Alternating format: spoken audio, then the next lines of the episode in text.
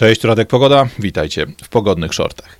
Podczas ostatniego wywiadu, który przeprowadził ze mną Grzegorz Kusz, gospodarz kanału Agent Specjalny, link do tego e, wywiadu wrzucę wam tutaj na górze oraz do komentarzy. E, podczas tego wywiadu rozmawialiśmy o kwestiach związanych z migracją i wpływie migracji, który, którego możemy się spodziewać na nasze życie. Życie nas, zwykłych ludzi, tu na miejscu w Polsce, w tym najpiękniejszym miejscu, jak to mówią niektórzy, wybranym przez Pana Boga dla jakiegokolwiek narodu, niekoniecznie wybranego, a z drugiej strony miejscu najbardziej naznaczonego wpływem historii, wielkich mocarstw, których mamy po obie strony, miejscem, którym krwią spływało nieraz i pewnie niestety krwią spływać będzie jeszcze niejednokrotnie. Podczas tej rozmowy poruszyliśmy temat związany z tym, jak zabezpieczyć siebie, jak przygotować siebie, swoją rodzinę, nasz malutki świat, taki w skali mikro, na poziomie pojedynczej jednostki, pojedynczego, pojedynczej i podstawowej jednostki społecznej do zmian, których niestety możemy się spodziewać. I tam skupialiśmy się głównie na ludziach, którzy mają do ochrony, do zabezpieczenia, do zagospodarowania trochę większy majątek. W komentarzach pod tym materiałem pojawiły się pytania o to, co może zrobić człowiek, który nie ma Lamborghini Urus, który nie ma sześciu kawalerek w Warszawie kupionych pod wynajem, który nie ma dużego kapitału, wielkiej gotówki, i wydaje mi się, że temat jest na tyle ważny, bo faktycznie mało kto z nas dysponuje wielkim majątkiem lub wielką gotówką, taką dużą płynnością, dlatego warto o tym porozmawiać, warto ten temat poruszyć. I tu, żeby w ogóle wejść w tematy rozmowy na temat tego, co możemy zrobić, jak przygotować się na, na te nadchodzące zmiany, na te nadchodzące, nazwijmy to wydarzenia czy kryzysy, tu każde słowo będzie właściwe, wypadałoby zacząć od tego, żebyśmy sobie określili pewne poziomy, czy opisali sobie, do jakiego typu kryzysu jesteśmy w stanie faktycznie własnymi siłami w rozsądnym czasie przygotować się, mając właśnie standardowe wynagrodzenie, standardową pensję, czy jakiś mały, e, funkcjonujący nieźle biznes, e, a jakie rzeczy są poza naszym zasięgiem, no bo wiadomo, zakup prywatnej wyspy, czy wybudowanie bunkra w granitowej skale jakiejś wielkiej góry na końcu świata, raczej przy budżetach człowieka pracującego na etacie są poza zasięgiem, są poza dyskusją. E, pierwszym poziomem, który chciałbym, żebyśmy zaczęli oglądać, czy który żebyśmy sobie ustalili, no to jest poziom, który ja nazywam poziomem apokalipsy zombie. Taki temat, który znamy z wielu horrorów, taki temat, który znamy z wielu gier komputerowych. Jak dla mnie moment, w którym e, o, mówimy o takim poziomie właśnie apokalipsy zombie, to jest sytuacja, w której nie ma prądu, nie ma wody, nie działają sklepy, nie działają bankomaty. To jest moment, w którym według mnie kończy się cywilizacja, kończą się zasady, kończą się prawa, kończy się normalna e, sytuacja, którą jest w stanie przetrwać, którą jest w stanie przeżyć zwykły człowiek gdzieś tam w zachodniej Europie czy środkowej Europie, tak jak, jak my jesteśmy. E, jest to sytuacja, w której w ciągu dosłownie dwóch, trzech dni cały świat wokół nas, ten najbliższy nam dostępny, zamienia się nagle w dziką dżunglę, zamienia się w absolutne pole walki. I tu co najważniejsze, oczywiście nie są nam potrzebne same zombie. Nie są nam potrzebne żadne stwory wyjadające nasze mózgi, czy wypijające naszą krew, czy po prostu rozrywające rozrywające nas na strzępy. E, tu wystarczy w zupełności e, na przykład wojna, która zaczyna się w jakimś zakątku naszego kraju. E, jeśli popatrzymy sobie dzisiaj na te konflikty, które toczą się na świecie, no to dwa z nich bezpośrednio dotyczą Polski. Zarówno ten konflikt, który mamy bezpośrednio za naszą wschodnią granicą, w kraju, którego nazwy przed siódmą minutą na YouTubie nie wymienia, albo w ogóle najlepiej go nie używać, ale kraju bardzo nam bliskiego, bo będący naszym sąsiadem na wschodzie, czy na południowym wschodzie, ale również drugi konflikt, który jest tym bardziej trudny, jeśli chodzi o rozmowę z cenzorami YouTube'a, więc tej nazwy ani kraju napadniętego, ani kraju, który, na którego terenie się oficjalnie te wojny toczą, nie będziemy poruszali. Wiecie, o o jakie konflikty chodzi. Niestety musimy pamiętać, że Polska w obydwa te konflikty została zaangażowana została zaangażowana przez ludzi, którzy szli do władzy, mając na sztandarach hasła patriotyczne, mając na sztandarach e, hasła walki o mm, los narodu, o ten interes narodowy, o to wszystko, co wiąże się z naszym funkcjonowaniem, z przetrwaniem naszego narodu, z przetrwaniem naszej kultury, naszej tradycji.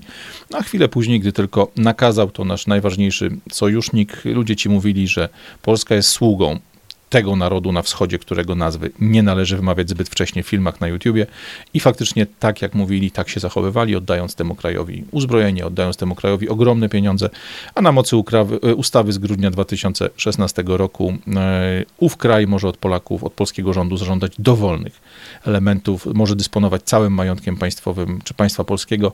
To wszystko stoi na jego usługi, jeśli tylko to poprosi, jeśli tylko tego zażąda. Co to oznacza dla nas? Oznacza to ni mniej, ni więcej, że zarówno ta wojna tocząca się tuż za naszą wschodnią granicą może przerodzić się w konflikt, który nas będzie dotyczył, ale również ta, która toczy się trochę dalej na południe, też na wschodzie, ale trochę dalej na południe, nad Morzem Śródziemnym. E, jest to wojna, w której Polacy są stroną, bo są sojusznikiem naszego najważniejszego sojusznika, czyli Amerykanów.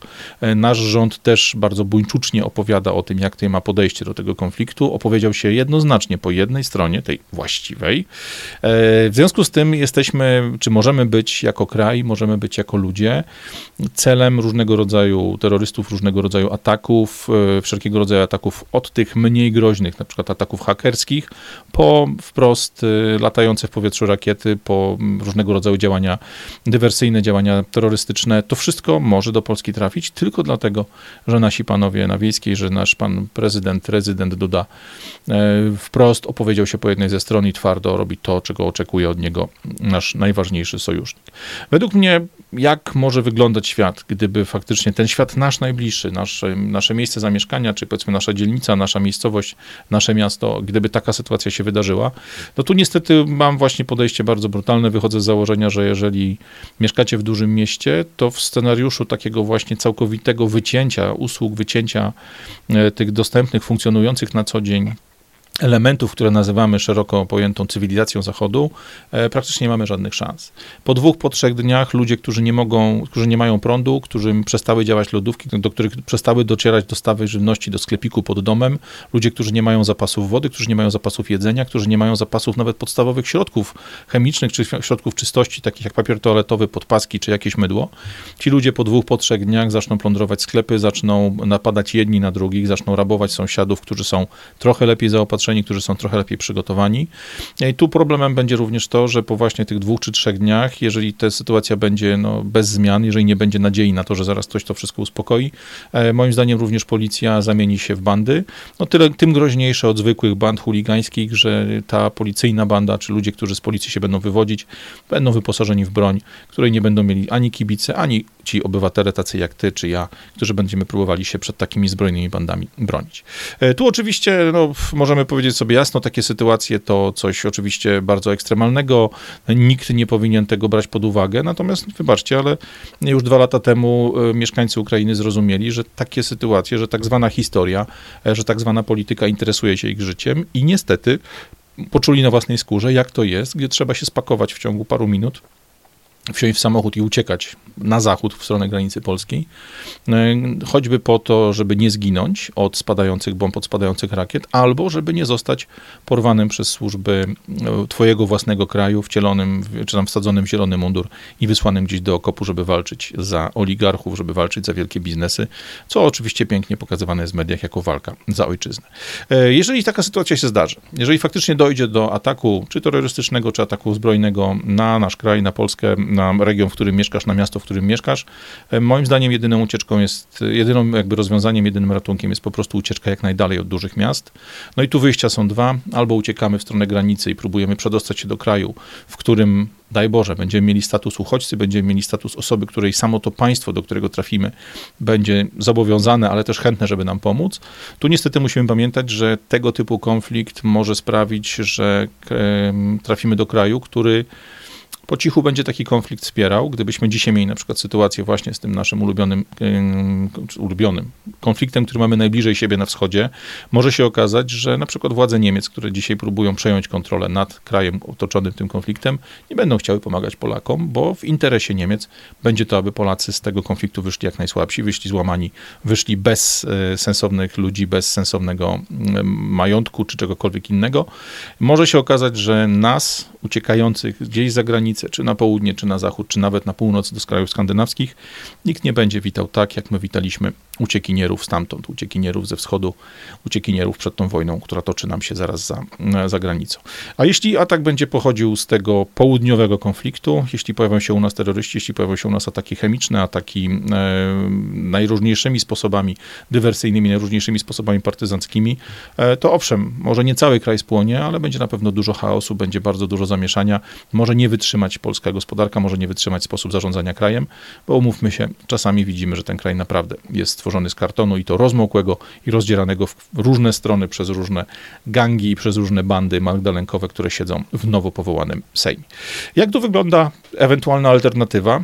Jeśli wyjazd za granicę okaże się niemożliwy, jeśli wyjazd za granicę okaże się z, dla nas nieosiągalny ze względu na to, że nie ma jak się tam dostać, oczywiście alternatywą jest y, ucieczka do siebie, czyli jakoś zawcześnie, zawczasu przygotowane schronienie. No i tu warto pamiętać, żeby to schronienie miało odporność na różne pory roku. My za chwilę będziemy mieli zimę. Y, w rejonach, w których ja mieszkam, czyli Wrocław, okolice, ta zima zwykle jest łagodna, ale bardzo mokra, więc trzeba dbać o to, żeby się woda nie lała do środka, choćby ta pochodząca z roztopionego śniegu. Ale jest wiele miejsc w Polsce, gdzie zima jest mroźna, gdzie zima jest śnieżna, gdzie takie schronienie musi być naprawdę niezłą konstrukcją inżynierską, a skoro już mamy dach nad głową, jest tam w miarę ciepło, w miarę szczelnie, to fajnie byłoby mieć w tym miejscu wodę, jakieś zgromadzone zapasy jedzenia, agregat prądotwórczy, jakieś paliwo do niego, czy jakąś tam, nie wiem, przenośną baterię słoneczną, e, broń, amunicję do, do tej broni, czy jakieś inne narzędzia służące do obrony miejsca i nas samych, którzy się tam w takim miejscu schowali. Wiemy sami, że to brzmi w polskich realiach, w realiach ludzi zarabiających jakieś tam przeciętne albo niewielkie pieniądze jako kompletna bajka, bajka jako kompletna mrzonka.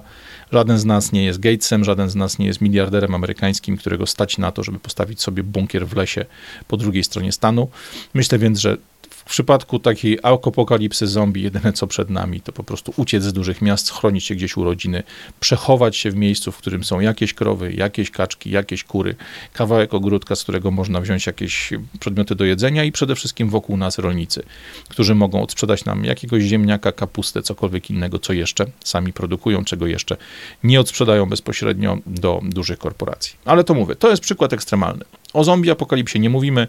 Zombie apokalipsa to sytuacja, w której zostają nam, tak naprawdę musimy przeżyć 2, 3, 4 dni, e, aż policja czy wojsko zacznie wprowadzać porządek, czy polska policja, czy polskie wojsko, czy ewentualnie wojsko innego kraju, które wykorzysta taką okazję, to już jakby bez znaczenia. Chodzi o to, żebyśmy byli w stanie przetrwać te dwa, trzy pierwsze dni. No tutaj wystarczy nam, wystarczy nam solidne drzwi, wystarczy nam odrobina zapasów jedzenia, odrobina zapasów jakiegoś gazu, kuchenka gazowa, przenośna turystyczna z kilkunastoma e, kartridżami, czy z kilkunastoma małymi butlami, e, żeby było na czym zdezynfekować wodę, żeby było na czym ugotować sobie jakiekolwiek jedzenie, zapas wody właśnie właśnie zapas jedzenia, trochę gotówki, wyjęte już z systemu, tak żebyśmy byli w stanie przetrwać. Ten scenariusz ekstremalny, ekstremalny odkładamy. Natomiast bardzo możliwe są scenariusze inne. E, scenariusze, które na przykład pokazują, jak wygląda upadek systemu bankowego albo przerwa w jego działaniu. E, wydaje nam się, że to rzecz niemożliwa, że, że to rzecz nienormalna, ale mieliśmy takie sytuacje na Cyprze, mieliśmy takie sytuacje w Ameryce Południowej czy w Afryce, kiedy bankrutowały państwa. Pierwszą rzeczą, która się działa, było zablokowanie ludziom dostępu do ich pieniędzy. Żeby nie można było wyciągnąć gotówki z bankomatu, żeby nie można było wyciągnąć gotówki, e, czy dokonać jakichś tam przelewów z na przykład kont na polskich, w polskich bankach do kont zagranicznych. To samo dotyczy gotówki. Wystarczy, że nam e, wyłączą bankomaty, niekoniecznie z powodu braku prądu w ogóle na wszelkie instalacje, ale może być po prostu jakiś atak hakerski, czy zamierzona tak zwana awaria e, systemu bankomatów. E, uwierzcie mi, wiele osób nie ma przy sobie pieniędzy wystarczających na to, żeby dojechać do najbliższego dużego miasta pociągiem czy autobusem, czy płacąc komuś po prostu za to, żeby go gdzieś tam zawiózł, bo my mamy wszyscy, przyzwyczailiśmy się do tego, że ma się pieniądze w zegarku, ma się pieniądze w telefonie, ma się pieniądze w kartach, a nikt nie ma gotówki. E, a już nie mówię o tych, którzy nie mają nawet tej gotówki w banku własnej, tylko żyją od pierwszego do pierwszego dzięki temu, że mają jakiś debecik, że mają jakiś limit na karcie kredytowej.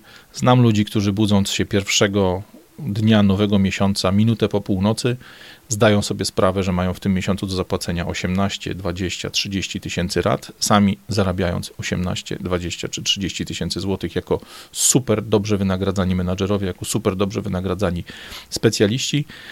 Ci ludzie żyją tylko dlatego, że mają limity, że mają debety, że mają właśnie możliwość korzystania z pieniędzy, które nigdy nie będą ich, a sami żyją dużo, dużo ponad stan. No, to jest przypadek, który właśnie w sytuacji takiego upadku systemu bankowego, czy jakiegoś credit crunchu, sytuacji, kiedy zmniejsza się dostęp do pieniędzy tych, które należą do banków, tacy ludzie bardzo szybko dowiadują się o tym, że tak naprawdę nie mają nic poza ogromnymi rachunkami i ogromną ilością tak zwanych składników majątku, które można im zabrać, bo jak tylko przestaną spłacać raty. Wtedy znikają samochody wyleasingowane, wtedy znikają mieszkania w kredycie, wtedy znika bardzo dużo elementów, które wydają nam się normalnością, codziennością, a które tak naprawdę kupiliśmy, nie mając na nie nigdy pieniędzy. Jeżeli chodzi o przypadek bankowy, myślę, że mamy tutaj proste rozwiązania. E, trzeba mieć zawsze trochę gotówki w domu, trzeba mieć w domu również rzeczy, które da się szybko spieniężyć. No i tu oczywiście najbardziej popularne e, jakby elementy, które zwykle kupujemy, to są waluty, czyli na przykład dolar, jakaś norweska korona, czy jakaś inna waluta, waluta taka jak euro, która jest łatwo spieniężalna, która jest łatwo w, łatwa w obrocie, tu zdecydowanie na trudne czasy najlepszy zawsze był dolar. Natomiast można też mieć w takim zestawie, że tak powiem, przetrwania, można mieć srebrne monety, można mieć monety złote, można mieć jakieś małe sztabki i tak dalej. Wszystko, co, co pozwala przechować jakąś dużą wartość pieniężną, dużą siłę zakupową, ale jest wystarczająco małe, wystarczająco zgrabne, żeby dało się to wsadzić do kieszeni i ewentualnie przejść z tym przez las, przejść z tym przez zieloną granicę, czy nawet przepłynąć graniczną rzekę, taką jak, nie wiem, Nysa Kłodzka, którą da się przejść po prostu po dnie. E, natomiast tu problem się pojawia, kiedy tego wszystkiego nie mamy. Ostatni typ e, problemów to są e, dwa, które są no, trochę tożsame, ale na innym poziomie. Pierwszym z nich jest upadek państwa, tak jak mieliśmy w przypadku upadku systemu bankowego, kiedy pojawia się kryzys migracyjny, zamieszki, kiedy pojawia się problem w ogóle z funkcjonowaniem państwa albo z funkcjonowaniem systemu socjalnego i zesperowani ludzie, którzy nie mają za co kupić jedzenia, wychodzą na ulicę, kiedy mamy zamieszki, kiedy mamy um, wszelkiego rodzaju rozruchy, kiedy płoną samochody, rozbijane są witryny sklepowe, grabowane, rabowane i grabione są sklepy, grabione są e, wszelkiego rodzaju tego typu instytucje, e, można powiedzieć, że państwo przestaje działać. Jeżeli do tego przestaje działać policja, jeżeli do tego nie bierze się za swoją robotę wojsko, może okazać się, że znowu musimy wytrzymać kilka dni, czy nawet kilkanaście dni, zanim sytuacja wróci do normy. A jeżeli w, naszym, w naszej rodzinie, tej dalszej, e, czy nawet tej bliższej, mamy ludzi, którzy są na rentach, na emeryturach, mamy ludzi starszych, mamy naszych rodziców, mamy e, nasze ciotki, babcie, wujków i tak dalej, i tak dalej, i nagle ludzie ci nie dostają od państwa e, emerytury czy renty, okazuje się, że to my musimy mieć przygotowany zapas pieniędzy, żeby kupić im leki, żeby zapłacić ich rachunki, żeby oni byli w stanie przeżyć ten trudny moment. Co ważne, gdyby do takiego upadku państwa, do takiego załamania się tych, tych usług społecznych miało dojść na przykład w Polsce w najbliższych latach, może się okazać, że Zachód nam nie pomoże, bo Zachód ma swoje problemy na tym, na tym polu, bo Zachód ma do utrzymania miliony migrantów, ma do utrzymania miliony ludzi, którzy biorą dodatki socjalne do swoich usług, nie zawsze właściwie rozdysponowane, nie zawsze e, przyznawane zgodnie z sensem. E, i może się okazać, że powiedzą nam ci wszyscy mili panowie i panie, że wybaczcie, musimy płacić dla swoich emerytów, więc waszych emerytów utrzymywać nie jesteśmy w stanie. Natomiast znowu, to jest pewne ekstremum, tu znowu trzeba przetrwać kilka dni, bo jeżeli wojsko, policja nie wprowadzą porządku, jeżeli wojsko i policja nie pomoże mm, strukturom tym politycznym państwa pozbierać to wszystko do kupy, jeśli nie znajdą się pieniądze na wypłaty pieniędzy właśnie dla wojska, dla policji, dla nauczycieli, dla urzędników, dla emerytów, rencistów i tak dalej, no to bardzo szybko kłopot związany z upadkiem państwa zamienia nam się w zombie apokalipsę, zamienia nam się w sytuację, kiedy stajemy się celem e, i zamiast być gościem na kolacji, stajemy się na tej kolacji daniem dla najróżniejszych bandziorów. Zarówno tych, którzy są po prostu chuliganami, jak i dla tych, którzy kiedyś byli policją, a dzisiaj korzystając ze służbowej broni, łupią nas sprawniej i skutecznie niż owi chuligani. To są ekstrema. Ostatni temat, i tu poważnie już podchodzimy, to co nam może grozić zaraz, to jest po prostu długotrwały kryzys gospodarczy. I tu problem jest taki, że większość moich widzów, no bo znam powiedzmy z danych YouTube'a, e, jakby mam świadomość, kto mnie ogląda, e, większość moich widzów to są ludzie w wieku moim i starsi, to są ludzie, którzy pamiętają jeszcze, czym jest prawdziwy kryzys, bo my pamiętamy zarówno lata 80. i to, co nam wmawiał Urban, nazywając to wszystko przejściowymi trudnościami związanymi z tak zwanym drugim etapem reformy. Ten drugi etap reformy nigdy się nie kończył, ale zawsze to on był tym elementem, który sprawiał, że polski naród musiał być gotowy na wyrzeczenia, musiał być przygotowany do tej walki, zaciśnięcia pośladów, zębów i wszystkiego innego, żeby przetrwać. A poza tym i przede wszystkim my jeszcze pamiętamy lata planu Balcerowicza, a tak naprawdę planu Zaksa i Sorosza, e, który pan Leszek Balcerowicz wprowadzał w Polsce, mm, doprowadzając do całkowitej ruiny miliony ludzi, doprowadzając do całkowitej ruiny prowincję.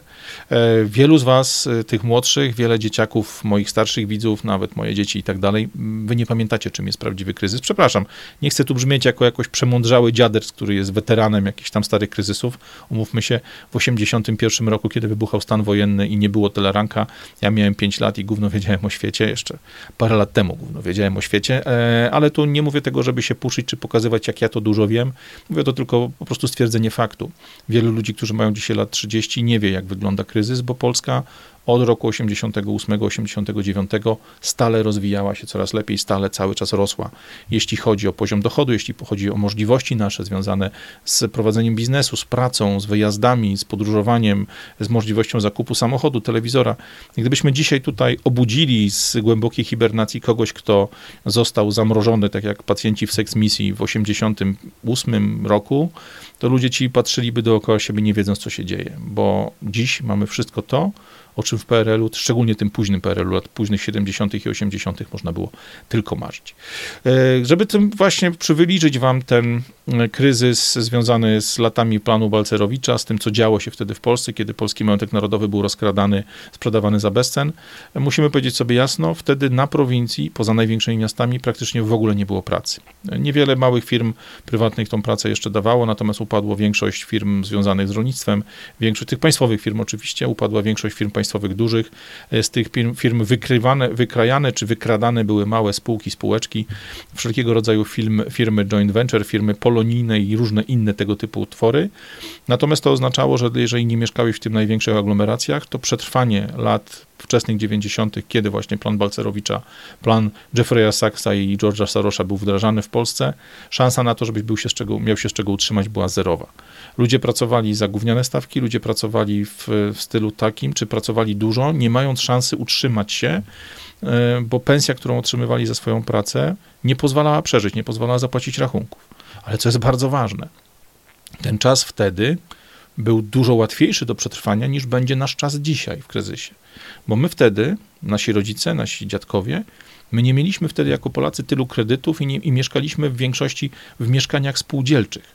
Te mieszkania należały tak naprawdę do państwa, mimo tego, że nazywało się to inaczej, ale państwu też zależało na tym, aby utrzymać za wszelką cenę spokój.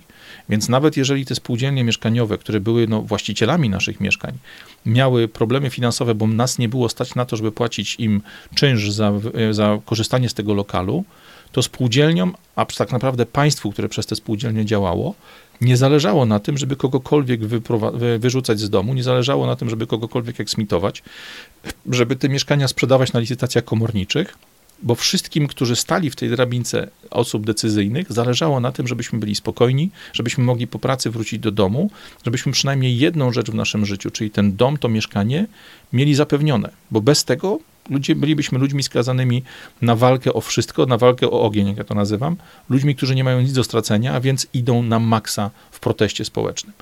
No, prawda jest taka, że e, państwo miało też wtedy masę majątku narodowego, tych wszystkich instytucji, przedsiębiorstw zbudowanych przez Polaków e, za pieniądze nasze własne, jak i za pieniądze pożyczone przez Gierka e, od lat 60. do początku lat 80. Ten majątek był wyprzedawany praktycznie cały czas przez kolejne rządy. Okazało się więc, że nawet na te najbardziej bardziej mm, biedne emerytury czy renty, czy zapomogi były pieniądze w budżecie państwa ze sprzedaży dobrych firm, ze sprzedaży firm, które były oddawane za bezcen zagranicznym inwestorom. Tak naprawdę państwo uzyskiwało kasę na to, żeby zapłacić nauczycielom, policjantom, czy wtedy już policjantom, chwilę wcześniej milicjantom, żeby zapłacić żołnierzom, zapłacić lekarzom i wielu, wielu innym ludziom. Więc tamte czasy były dużo łatwiejsze do przetrwania, tego prawdziwego kryzysu gospodarczego, niż będzie ten nowy kryzys, który trafi nas w sytuacji, kiedy, kiedy przestaną płynąć pieniądze w gospodarce. My przede wszystkim potracimy nasze już w dużym stopniu spłacone mieszkania, w dużym stopniu pospłacane samochody. Wiele firm prywatnych zostanie wywróconych, zostanie zamkniętych, bo po prostu ludzie, którzy e, je prowadzą, nie będą mieli tak samo jak my pieniędzy na to, żeby funkcjonować. E, padną firmy, w których ogromna większość z nas pracuje, a potem e, my zostaniemy zostawieni sami sobie. Tyle jeśli chodzi o opis sytuacji. Już jest fajnie, ja wiem, ja wiem, zaraz mi powiecie, że to nie żadne pogodne shorty, tylko znowu rozwijam przed wami ten hardkorowy scenariusz, ale uznałem, że od tego trzeba zacząć. Trzeba opisać sobie te scenariusze, o których możemy mówić. Nie ukrywam, że ten czwarty, czyli ten, czy trzeci czwarty.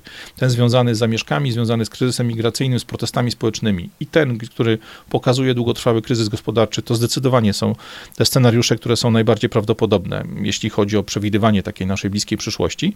Natomiast podstawowe pytanie, do którego musimy dojść, to jest to, co ma zrobić człowiek, który jest jednym z tych 5 milionów osób, które nie osiągają nawet średniej krajowej. E, o tym, żeby omówić temat średniej i mediany wynagrodzeń, to jest, sprawa na osobny film, do niego pewnie wrócimy. Natomiast prawda jest taka, jeżeli jesteś jednym z tych ludzi, z tych 5 milionów osób w Polsce, które są dorosłe, które mogą funkcjonować na rynku pracy, ale mimo tego, że sprzedajesz cały swój miesiąc y, jakiejś firmie, że pracujesz zawodowo cały swój miesiąc i to nie osiągasz tej średniej wynagrodzeń, którą publikuje nam GUS, Prawda jest taka, że masz przed sobą niewiele rozwiązań szybkich, bo tak naprawdę najprawdopodobniej nie masz czego sprzedać, bo nie masz ani majątku, albo dopiero ten majątek spłacasz. Więc nawet jeżeli masz jakieś mieszkanie, nawet jeśli masz jakiś samochód, to prawdopodobnie nadal płacisz za nie ratę, nadal masz na nich jakieś e, kredyty, nadal musisz obsługiwać te zadłużenie. Ten majątek de facto nie jest do końca twój. Natomiast tu bardzo często pojawia się taki paradoks, który jest e, bardzo typowy dla Polski, a w innych miejscach na zachodzie zdarza się w miarę rzadko, bo u nas, mimo tego, że ludzie mają niewielkie pieniądze, pracują za 3,5 tysiąca, za jakieś naprawdę niewielkie kwoty, to mimo tego nie mają w sobie bardzo często takiego odruchu, który mają często ludzie w innych krajach. Jeśli zarabiam za mało, to zaczynam robić coś więcej. Jeśli zarabiam za mało, to nie kończę pracy o godzinie 16 czy 17 w tej swojej fabryce, zakładzie czy jakiejś firmie usługowej, tylko po prostu nie mając pieniędzy, mam dużo wolnego czasu i ten czas możemy w jakiś tam sposób wykorzystasz. Jeżeli więc zrobisz sobie rachunek sumienia, uderzysz się gdzieś tam w piersi i stwierdzisz, dobra, kasy nie mam, e, dobrych dochodów nie mam, dobrej pensji nie mam, ale mam dużo wolnego czasu, no to prawda jest taka, że masz możliwość wykorzystania tego czasu w sposób sensowniejszy niż to, co robisz dzisiaj. Umówmy się, bardzo wielu ludzi, których poznaję, których, czy to moich znajomych, czy to osoby, które gdzieś tam oglądają moje filmy, e, komentują albo spotykam się z nimi w prawdziwym świecie, mówią wprost, że okej, okay, z kasą jest krucho, ale za to mam dużo czasu na to, żeby poczytać Twittera, obejrzeć e, na Facebooku, co się dzieje, poglądać Instagramy i tak dalej, i tak dalej. Jeżeli w twoim życiu ten czas faktycznie poświęcasz na Netflixa, na Facebooka, na TikToka, Instagrama, czy nawet niektóre materiały na YouTubie, no choć tutaj strzelam do własnej bramki, ale mówmy się, większość YouTube'a to po prostu śmietnik i marnowanie czasu. Jeżeli tak wygląda twoje życie, to mam dla ciebie dobre informacje. Prawdopodobnie to jest ten czas, to jest jedyne to, co możesz sprzedać albo zainwestować. I obejrzymy sobie teraz te dwa przypadki i tu już dochodzimy bardzo konkretnie do tego, co może zrobić dzisiaj, tu i teraz w Polsce, bez wyjeżdżania za granicę, bez wyjeżdżania do Niemiec, do Holandii, czy do Ameryki Południowej, czy do Wietnamu, człowiek, który jest w tej grupie osób najmniej zarabiających. Jeżeli uznaliśmy, że tym, co możesz, że jedynym, co masz do sprzedania, to twój czas, albo jedynym, co możesz zainwestować, jest twój czas, to przejrzymy sobie właśnie te dwa scenariusze. Pierwsza rzecz to tego czasu sprzedaż. Oczywiście sprzedaż czasu nie oznacza, że oddajemy komuś parę godzin na dobę. Jeśli ktoś taki by się znalazł, to ja poproszę przynajmniej o cztery, dobrze zapłacę. E, mówimy tu oczywiście o tym, że możemy sprzedać swój, swoją energię, możemy sprzedać tę, tę część życia, którą dzisiaj poświęcamy na TikToka, na YouTube'a, na Netflixa, w tym czasie robić coś innego. No i tu oczywiście rzeczy jest cała masa. E, można na przykład zrobić sobie drugi etat, pełny lub jego część. Znam trochę osób, które pracują na przykład na magazynach, pracują w różnego rodzaju firmach logistycznych, zajmują się na przykład, nie wiem, segregowaniem czy utrzymywaniem technicznym hulajnóg, które są wynajmowane, dowożą paczki, zajmują się pracą właśnie w jakichś tam sortowniach i tak dalej.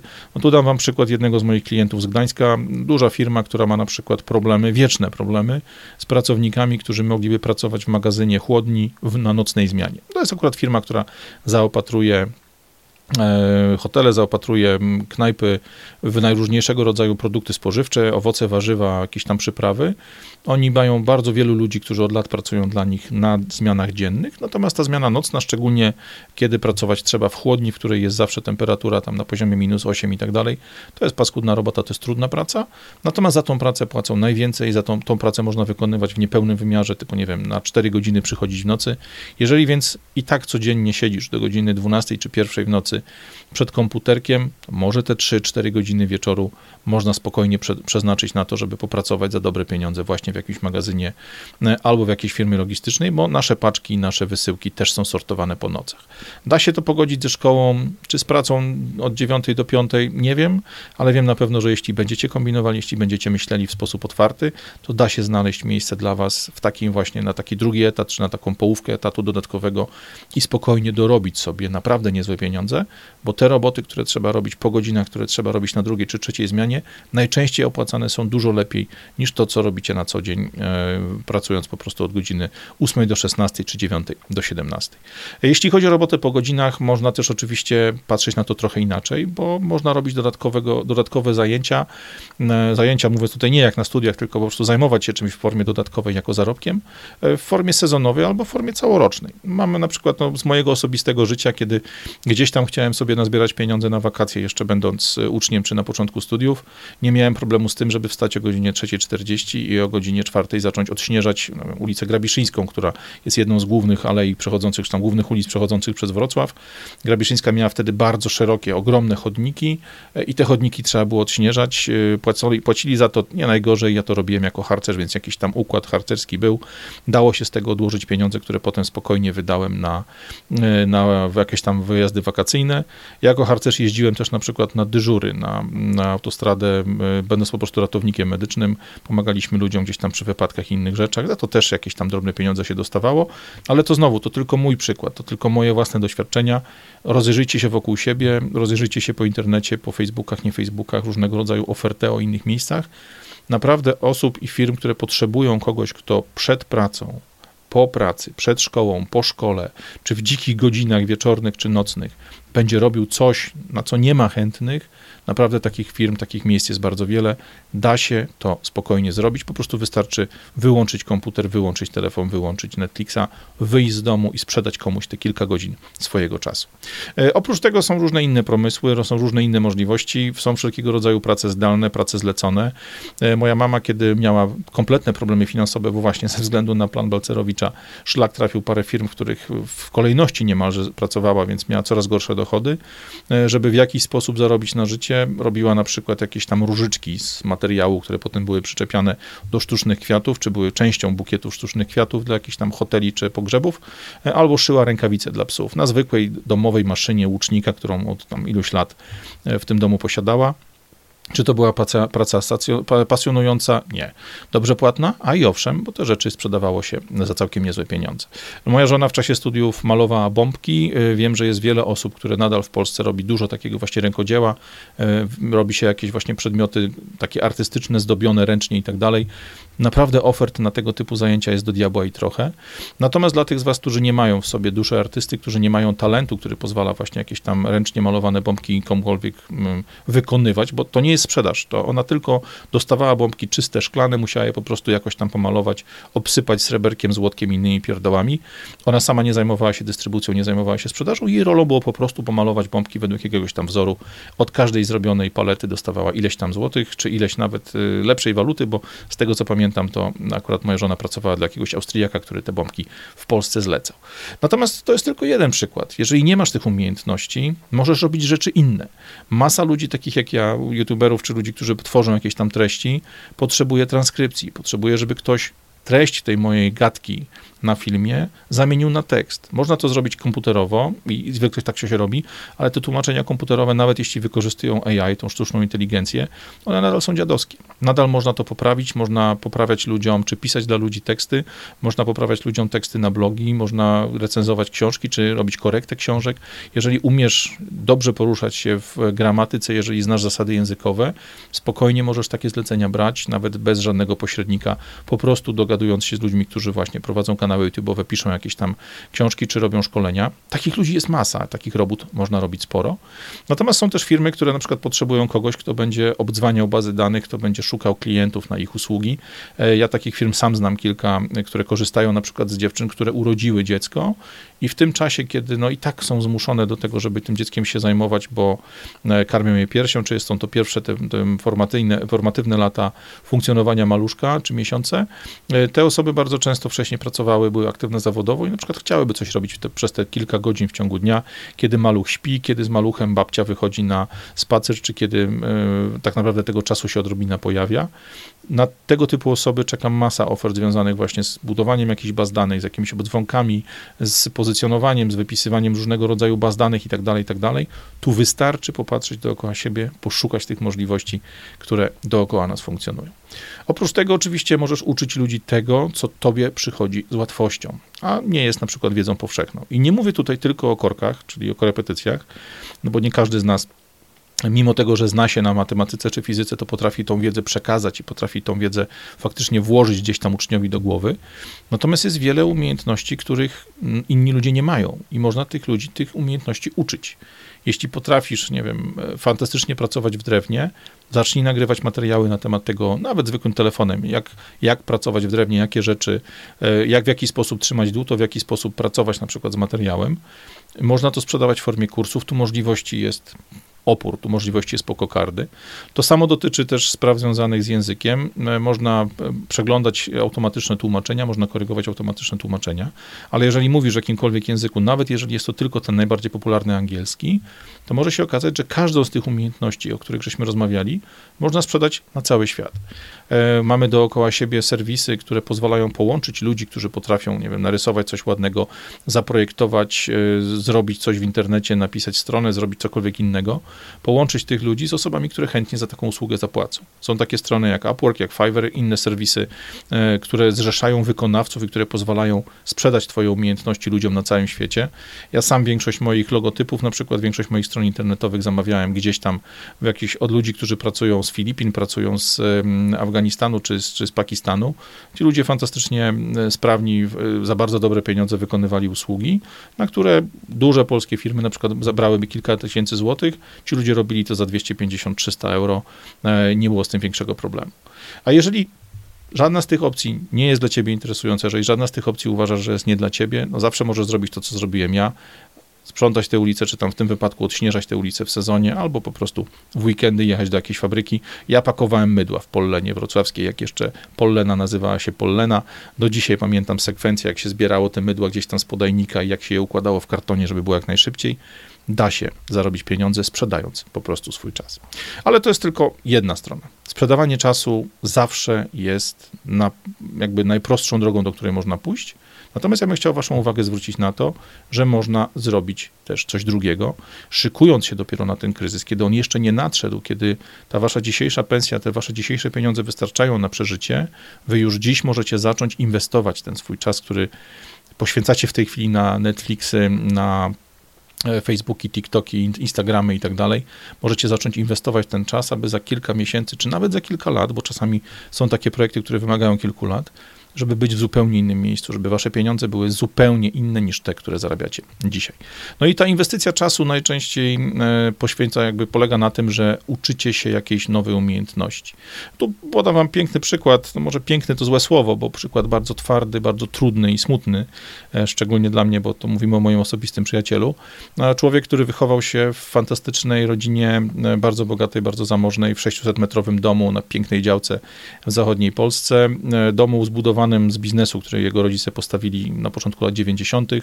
E, razem z bratem żyli jak pączki w maśle, w domu były nowe samochody, e, firma chodziła jak, jak zegareczek, ale niestety gdzieś tam parę błędów biznesowych, trochę zmian, jeśli chodzi o lokalną politykę, zamieszanie na poziomie polityczno układowym, nazwijmy to, sprawiło, że firma zbankrutowała. E, po bankructwie pojawiły się problemy między rodzicami, pojawiły się e, no, jakieś tam tematy związane z tym, że nie potrafili ze sobą rozmawiać. Skończyło się to śmiercią ojca tego mojego kumpla. I chłop, który właśnie razem ze swoim bratem był takim oczkiem w głowy tych rodziców, którzy dali im wszystko, co mogli, kiedy chłopaki byli mali, nagle okazało się, że muszą sobie radzić sami. Nagle okazało się, że zostali całkowicie skazani na to, żeby poradzić sobie od zera, żeby zbudować sobie swoje życie. E, no i co się okazało? No właśnie od tego pięknie położonego 600-metrowego domu na oszałamiającej działce, od tego zamożnego stylu życia do totalnej samodzielności, do totalnej no, samotności to może nie, bo byli braćmi, ale do takiego totalnego zdania tylko na siebie, ten proces zajął dosłownie kilkanaście miesięcy. To było jak spadanie e, z wysokiej góry. No, ten mój kumpel stwierdził, że ok, trzeba się jakoś utrzymać, więc zaczął właśnie pracować w magazynach, jako człowiek na słuchawce, zaczął być, e, później za, gdzieś tam poszukał roboty jako przedstawiciel handlowy, e, pracował bardzo, bardzo ciężko, ale bardzo szybko zrozumiał, że tak naprawdę całe życie, przez to, że właśnie w domu był komputer, że były pieniądze, że można się było bawić zabawkami, których na przykład ja nie miałem w tamtym samym czasie, on bardzo szybko zrozumiał, że zawsze kręciły go komputery, więc pracując jako pracownik magazynu, później jako handlowiec, stwierdził, sorry Winetu, ja muszę wejść do branży IT, bo ja to lubię, jestem w tym dobry, ja dobrze to rozumiem, chcę w tej branży się odnaleźć. Natomiast, żeby to osiągnąć, to nie dało się mieszkać tam, gdzie mieszkał, bo tam nie było firm IT, więc po pierwsze przeprowadził się na Śląsk, bo tam jest tych firm IT bardzo, bardzo dużo. E, po drugie zaczął naukę od zera. Na początku, ponieważ nie miał w ogóle pieniędzy, to zaczął się uczyć tych rzeczy, które był w stanie znaleźć um, po prostu za darmo. Z YouTube'a, z różnego rodzaju książek, bibliotekach i tak dalej. Bardzo szybko spotkał ludzi, prosząc po prostu o poradę, prosząc o pomoc, spotkał ludzi, którzy powiedzieli mu wprost, żeby nie wybierał kariery samego dewelopera, czyli samego programisty, ale żeby zaczął od branży testowej. No, jeśli ktoś zna branżę IT na tyle dobrze jak ja, to wie na pewno, że w każdej firmie IT oprócz tych deweloperów, oprócz ludzi, którzy piszą kod, tak zwanych programistów, potrzebni są testerzy, potrzebni są ludzie od wdrożeń, potrzebni są ludzie obsługi klienta, sprzedawcy, ludzie, którzy zajmują się wszelkiego rodzaju rozwojem oprogramowania, e, architekt, architekci oprogramowania jest bardzo bardzo wiele tych, tych funkcji, bardzo wiele tych pozycji, które można w branży IT jakby trzymać. Natomiast mówi się wprost, że najprostszą drogą do wejścia do tego środowiska jest bycie albo człowiekiem z obsługi klienta, albo człowiekiem, który właśnie zajmuje się testowaniem oprogramowania. Ten mój kumpel e, wy, wy, wybrał drogę testera, zrobił właśnie, zaczął od rzeczy darmowych, zaczął od uczenia się z książek, od uczenia się z internetu, od uczenia się choćby z YouTube'a. Kiedy jakiekolwiek podstawy złapał, odłożył trochę pieniędzy, zaczął kupować kursy, na tych kursach zaczął się uczyć już samej pracy mm, testera. E, na ten moment jest już, mówię, no minęło od tamtej pory no sporo lat, bo to już, nie wiem, 5 czy 6 lat za nami. E, dziś jest już członkiem firmy IT, który ma status MIDA. No jak ktoś zna IT, to wie, że status e, juniora, czyli osoby, która umie bardzo niewiele, potem mida, czyli te umiejętności twoje średnie, później masz seniora, no i oczywiście mistrzów świata. On dzisiaj jest już midem testerów, wśród testerów funkcjonującym na Śląsku od lat w tej branży.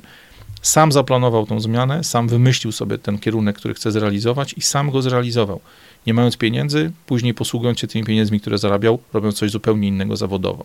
On po prostu siedział na dupie przez co wieczór, uczył się, uczył się, uczył się, i próbował chodzić na rozmowy, próbował sobie znaleźć pracę w takich firmach, które mu odpowiadały. Dzisiaj jest już w tym miejscu.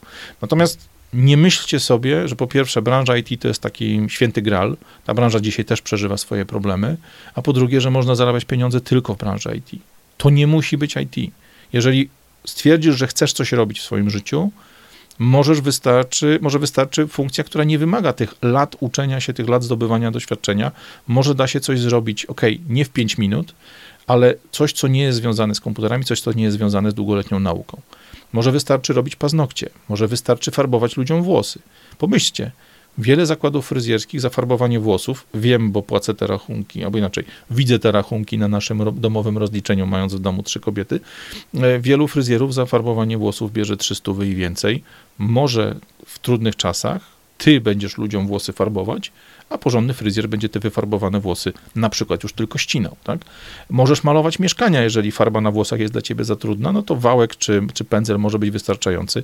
Możesz nauczyć się kłaść gładzie, skręcać meble, jeździć traktorem, czy obsługiwać tokarkę, spawarkę, wózek widłowy, czy jakąś tam zwyżkę, czy jakiś podnośnik. To są wszystko rzeczy, które może zrobić, no sorry za wyrażenie, każdy z nas. Wystarczy powiedzieć sobie, że chce, wystarczy zacisnąć zęby, poślady i wszystko inne i skupić się na tym, żeby naprawdę rozwijać się w kierunku, który nie jest przypadkowy, w kierunku, który ma sens, w kierunku, który pozwoli zarobić dzisiaj pieniądze dodatkowe, a kiedy pojawi się kryzys, może te jedyne, może te właściwe.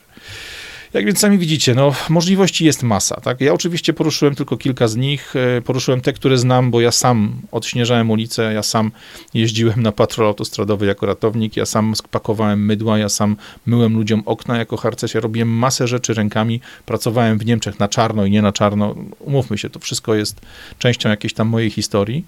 I ja nie mam problemu z tym, żeby nie bać się tej zmiany, która przyjdzie. Jeżeli będzie zdrowie, jeżeli będzie jasność umysłu, jeżeli nie wydarzą się rzeczy, które są mocniejsze od nas, nie wiem, rana postrzałowa czy odcięty łeb, to nas nikt nie zabije. Polacy są jak karaluchy, my potrafimy przeżyć nawet bombę atomową. Warunek jest tylko taki, że nie przestajemy pracować tu, nie, pracujemy, przestaje nam pracować główka, nie przestajemy myśleć o tym, co jesteśmy w stanie zrobić. Większość z tych pomysłów, które ja ci pokazałem, jest w zasięgu ręki. Większość z tych pomysłów jest do zrobienia. Większość tych pomysłów jest naprawdę robialna. Jest, y, nie mówię, że łatwa, ale na pewno taka, którą da się e, zaatakować, da się pójść tą ścieżką. To jest tylko kwestia twojej decyzji. To twoja ręka może zdecydować, że sięga po pilota i zaczyna latać po channelach, albo twoja ręka zaczyna wyszukiwać sobie w internecie e, rzeczy, które mogą sprawić, że jutro będziesz miał zajęcie po godzinach, albo zaczniesz się czegoś uczyć, zaczniesz inwestować swój czas. E, możesz korzystać z YouTube'a jako źródła wiedzy, albo oglądać na nim kotki. Zamiast e, aplikacji, na której skreślasz ładne panie w prawo lub w lewo, mając świadomość, że większość zdjęć tam jest albo podkolorowanych, albo po prostu przedstawia zupełnie inne, napompowane osoby, możesz wziąć aplikację taką jak choćby, nie wiem, aplikację do języka, czy cokolwiek innego i nawet na wersji darmowej, w jakimś tam ograniczonym zakresie, nauczyć się czegoś nowego, nauczyć się czegoś porządnego. Trzeba tylko wstać z kanapy, trzeba tylko wstać z fotela, wyłączyć telefon, wyłączyć komputer, telewizor, albo tak, przerwać nawet ten film w tej chwili i zacząć robić cokolwiek, zacząć działać w kierunku, który jest ci potrzebny, w kierunku, który może tą twoją sytuację zmienić. Żebyś przestał być człowiekiem z tych pięciu milionów ludzi, którzy nie zarabiają nawet średniej krajowej. Trzeba zacząć robić cokolwiek, bo od samego komentowania, od samego wylewania jadu, nazwijmy to, czy jakiś tam żali, bo to część tych komentarzy nie była wcale jakaś taka właśnie jadowita, ale od tego komentowania nikt jeszcze się nie wzbogacił, od tego komentowania nie zmieniło się niczyje życie. I to, co jest najważniejsze, nie wolno się poddawać. Jeżeli jesteś w dziadowskim miejscu, to po prostu wyjdź z niego. Tam piękne stare hasło, że to, że jesteśmy w dupie to jedno, ale to, że zaczynamy się w niej urządzać to drugie, to większy problem. To piękne hasło dzisiaj myślę, że dotyczy nas Polaków, Niemców, bardzo różnych ludzi jeszcze bardziej niż kiedykolwiek w historii. Bo dzisiaj na całym Zachodzie robi się nam niefajnie, dzisiaj na całym Zachodzie pojawiają się problemy gospodarcze, pojawiają się problemy właśnie związane z migracją, związane z naszym funkcjonowaniem dookoła. Ogromna ilość pieniędzy jest wyciągana codziennie z naszych kieszeni przez sztucznie nadmuchane rachunki, przez sztucznie nadmuchane koszty tak zwanej zielonej transformacji. Z tym wszystkim na poziomie decydentów pewnie niewiele będziemy mogli zrobić ale to, czy ty będziesz miał większe pieniądze, czy będziesz miał lepszą robotę, czy będziesz miał lepsze kompetencje, żeby zarabiać więcej, być bezpieczniejszym, lepiej się czuć w tym świecie, który staje na głowie, to zależy w pełni od ciebie. To, co bym zrobił najszybciej, jak się da, to po pierwsze przestał narzekać, e, po drugie zrobił listę wszystkich pomysłów, jakie Twoim zdaniem można wykorzystać do tego, żeby sprzedać albo zainwestować swój czas, aby zmienić tą swoją pozycję, aby wskoczyć na dłuż, wyższy poziom dochodów, albo przez dodatkową robotę, albo przez po prostu nauczenie się czegoś, co sprawi, że zaczniecie zarabiać znacznie więcej niż zarabiacie dzisiaj. Jeśli taką listę sobie stworzysz, Wybierz z niej kilka najsensowniejszych. I to najsensowniejszych możemy nazwać to hasło, czy traktować to hasło na różnych poziomach bo najsensowniejszym może być pomysł najszybszy, taki, który pozwoli ci nawet, nazwijmy to w ciągu kilku dni, e, zarobić jakieś pieniądze, które pomogą spłacić zaległą ratę, które pomogą uratować na przykład zagrożony kredyt mieszkaniowy. No i tutaj są to proste rzeczy. Można pracować w jakimś magazynie, można pracować po nocach, można wziąć jakąś fuchę, e, która jest sezonowa, bo na przykład w tej chwili, wiadomo, przed świętami będą, e, będzie sezon na przesyłki, będzie sezon na towarowanie sklepów, Zaraz po nowym roku będzie sezon na robienie inwentaryzacji w firmach, gdzie też się ludzi wynajmuje. Te metody najszybsze bardzo często są nie najlepsze, ale sprawiają, że tą kasę można szybko zarobić i jakoś tam sobie sytuację podratować. Ale najsensowniejszą propozycją może być też coś, co daje największe przychody, coś, do czego trzeba się dłużej przygotować albo dłużej poszukać miejsca, w którym e, ktoś za te twoje możliwości, za te twoje usługi, za ten twój czas zapłaci, ale dostaniesz znacznie więcej niż za głupią pracę w magazynie, czy głupią pracę na sortowni paczek w impoście. Albo ewentualnie pomysły, które wydają się najsensowniejsze dla ciebie, najlepsze dla siebie. Bo może się okazać, że jak wybieramy te trzy różne kategorie, najszybszy przychód, największy przychód albo coś, co dla mnie jest najwygodniejsze, to każdy z tych elementów będzie opisywał zupełnie inne pomysły, zupełnie inne projekty, które możesz zrobić. Kluczem jest to, żeby zacząć działać już dzisiaj. Przestać pisać, przestać klikać, po prostu zacząć działać. Możliwości jest do cholery i trochę. Zanim ten kryzys jeszcze do nas trafi, zanim ten kryzys jeszcze u nas roz, rozszerzy, zanim pojawią się zamieszki na ulicach, zanim pojawi się ten e, problem apokalipsy zombie, możemy się przygotować na wykopanie sobie schronu gdzieś w górach, czy wykucie e, jakiegoś schronienia w skale, czasu nam zabraknie, pieniędzy nie będziemy mieli, ale możemy zrobić wiele rzeczy, które sprawią, że jeżeli ten kryzys nas dogoni, to będziemy do niego lepiej przygotowani, będziemy mogli zrobić znacznie, znacznie więcej. Oczywiście to nie jest pełna odpowiedź na pytanie, co może zrobić człowiek, który jest w tej najniższej, e, najniższym przedziale e, finansowym, przedziale dochodowym, ale wybaczcie, no, ja nie jestem jedynym człowiekiem na świecie, który takie, o takich rzeczach mówi. Jeśli temat ten faktycznie was interesuje, jeżeli faktycznie chcecie ten swój los zmienić, poprawić, podskoczyć na ten wyższy poziom dochodowy, zmienić to swoje życie finansowe, naprawdę ludzie, którzy mówią o tym w internecie, ludzie, którzy piszą o tym w internecie i to nie oszołomów, nie ludzi, którzy próbują wycisnąć z was kasę, jest cała, cała masa. Kwestia jest tylko tego, żeby szukać, sortować, sprawdzać, co jest wart ten człowiek, co jest wart ten pomysł i brać w ręce i biec dalej tylko z tymi, którzy zasługują na wasze zaufanie, na wasz czas, na waszą energię.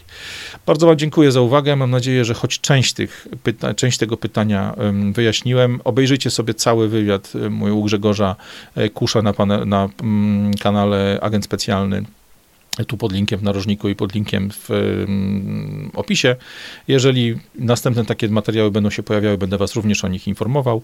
A póki co zapraszam Was do tego, abyście zapisywali się na listę adresową. Zostawcie swój mail, zostawcie swoją, swój adres mailowy, będę mógł Wam wysyłać informacje o tych nowych filmach, które będą tworzone. E, a oprócz tego poszukajcie mnie w innych socjalach, na LinkedInie, na Instagramie, na Twitterze, bo tam jestem najczęściej. Na fejsie też jestem, ale tam nie zaglądam, więc szkoda energii. E, znajdźcie mnie też na innych platformach, bo te filmy moje, no okej, okay, ten może nie jest jakoś specjalnie groźny, specjalnie trudny dla cenzorów YouTube'a, ale jest wiele moich filmów, które YouTube'owi już się nie podobają, już dwa zostały zdjęte, wyrzucone w diabły, więc te materiały znajdziecie na Rumble, znajdziecie na polskim Banbaju, e, a jeśli nie możecie oglądać, bo na przykład czas macie tylko w samochodzie albo podczas pracy w ogródku, czy właśnie w, na nocnej zmianie w magazynie e, chłodni, to możecie zawsze posłuchać pogodnych shortów na Spotify'u albo w aplikacji podcastowej twojego telefonu, niezależnie od tego, czy to Android, czy to e, iPhone, na pewno spokojnie do pogodnych shortów dostaniecie się. No i najważniejsze, nie poddawajmy się. Kryzys jeszcze nie przyszedł, wariactwo trwa, ale nie jest jeszcze nieogarnięte, nie jest jeszcze ponad nasze, ponad nasze moce. Mamy trochę czasu, wykorzystajmy ten czas naprawdę sensownie. Radek Pogoda, pogodne shorty. Cześć.